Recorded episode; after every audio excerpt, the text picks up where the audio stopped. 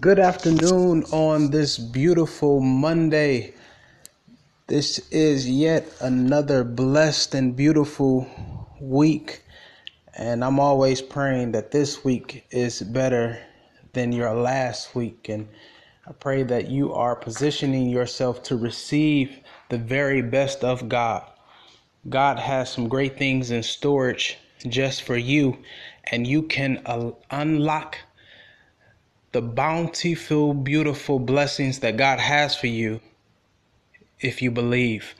I simply want to remind someone um, that it is your duty, your responsibility to protect the potential of your purpose. It is your responsibility to protect the potential of your purpose. Many people, all people have potential you have the capacity, the ability to reach monumental heights and pinnacles. But I've come to discover in my uh, short life that just because you have potential does not mean that you will fully reach the full manifestation of your potential. I've seen many people uh, throughout my life who had the potential to be great basketball players and to possibly reach uh, the NBA. I've seen bookworms and geniuses who excelled in curriculum, but they did not fully reach the full capacity of becoming. For many reasons, uh, things happen. But I want to remind somebody that who has an opportunity, who knows that you have a purpose, who you know that God has placed something within you that is to come.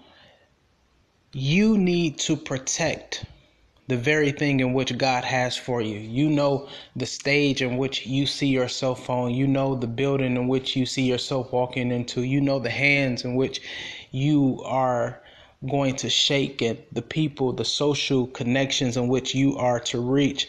I want to m- remind you that you have to put yourself in position to sustain or maintain uh, the gift in which God has placed within you. God often, well, Jesus uh, on several occasions teaches his disciples uh, parables about stewardship. And to be a steward means that you are the manager of something. God has given us the uh, the position of manager to govern the talents in which He has given us.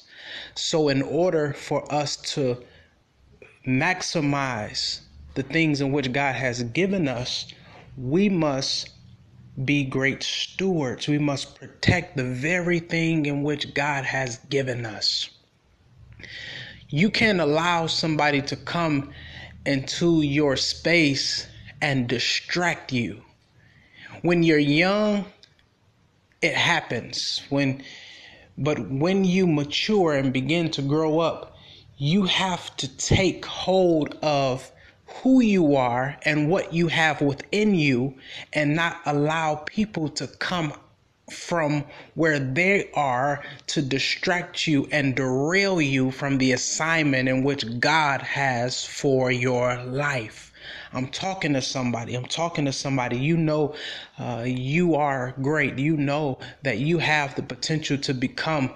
You know that you are a magnanimous spirit, a magnanimous person. And I'm here to simply remind you protect the potential of your purpose while you're going through purpose yes there will be times in which temptation comes jesus uh, shows us this when the spirit led him to the wilderness to fast for 40 days and 40 nights. And when he came out of the wilderness from being hungry uh, spending time with god the bible says that the enemy came and tempted him. He went into the wilderness and came out and the enemy tempted him.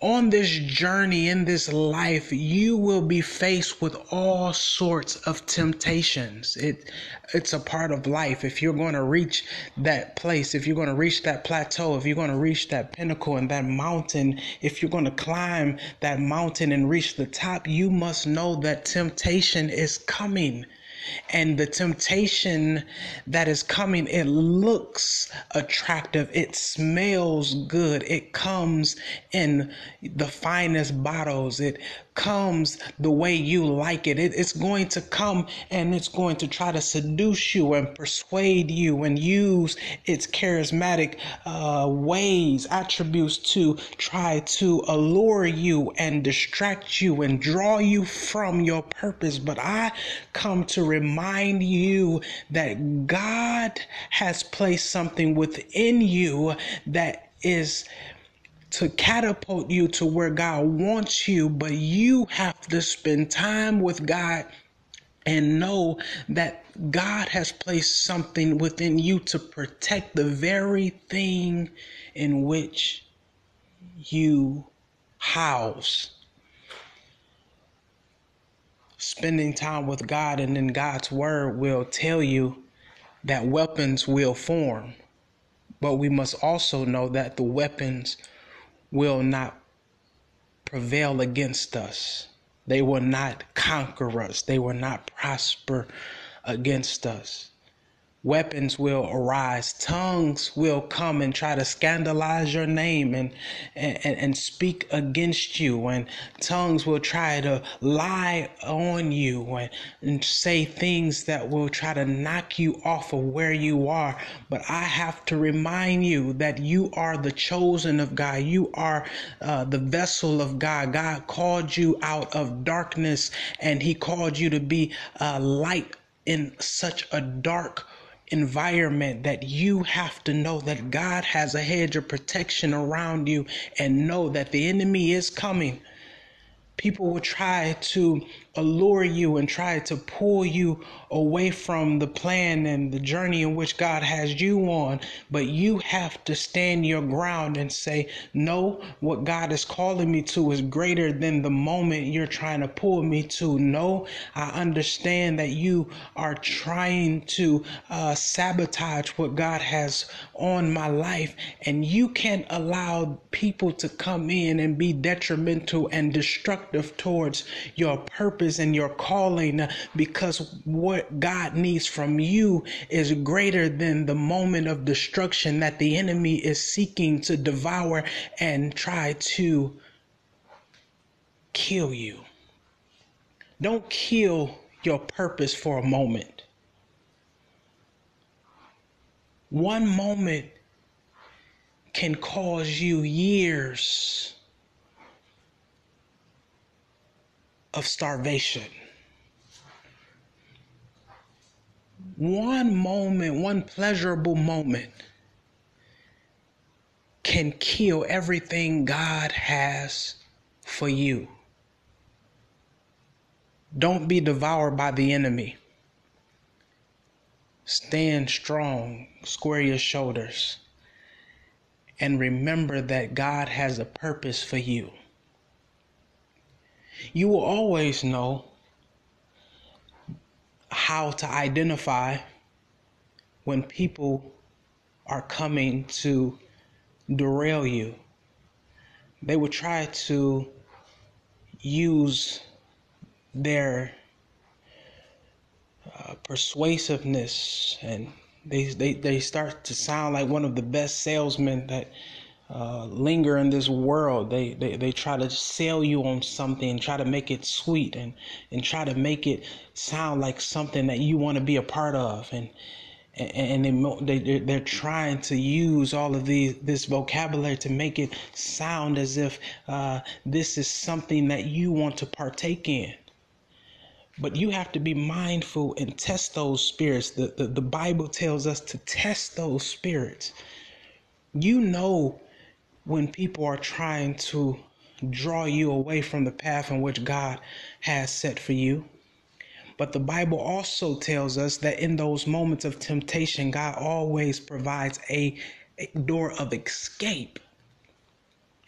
So when people try to tell you that this is something you should do and this is something you should be a part of, you have to trust the spirit within you and test the spirit in the opposing forces.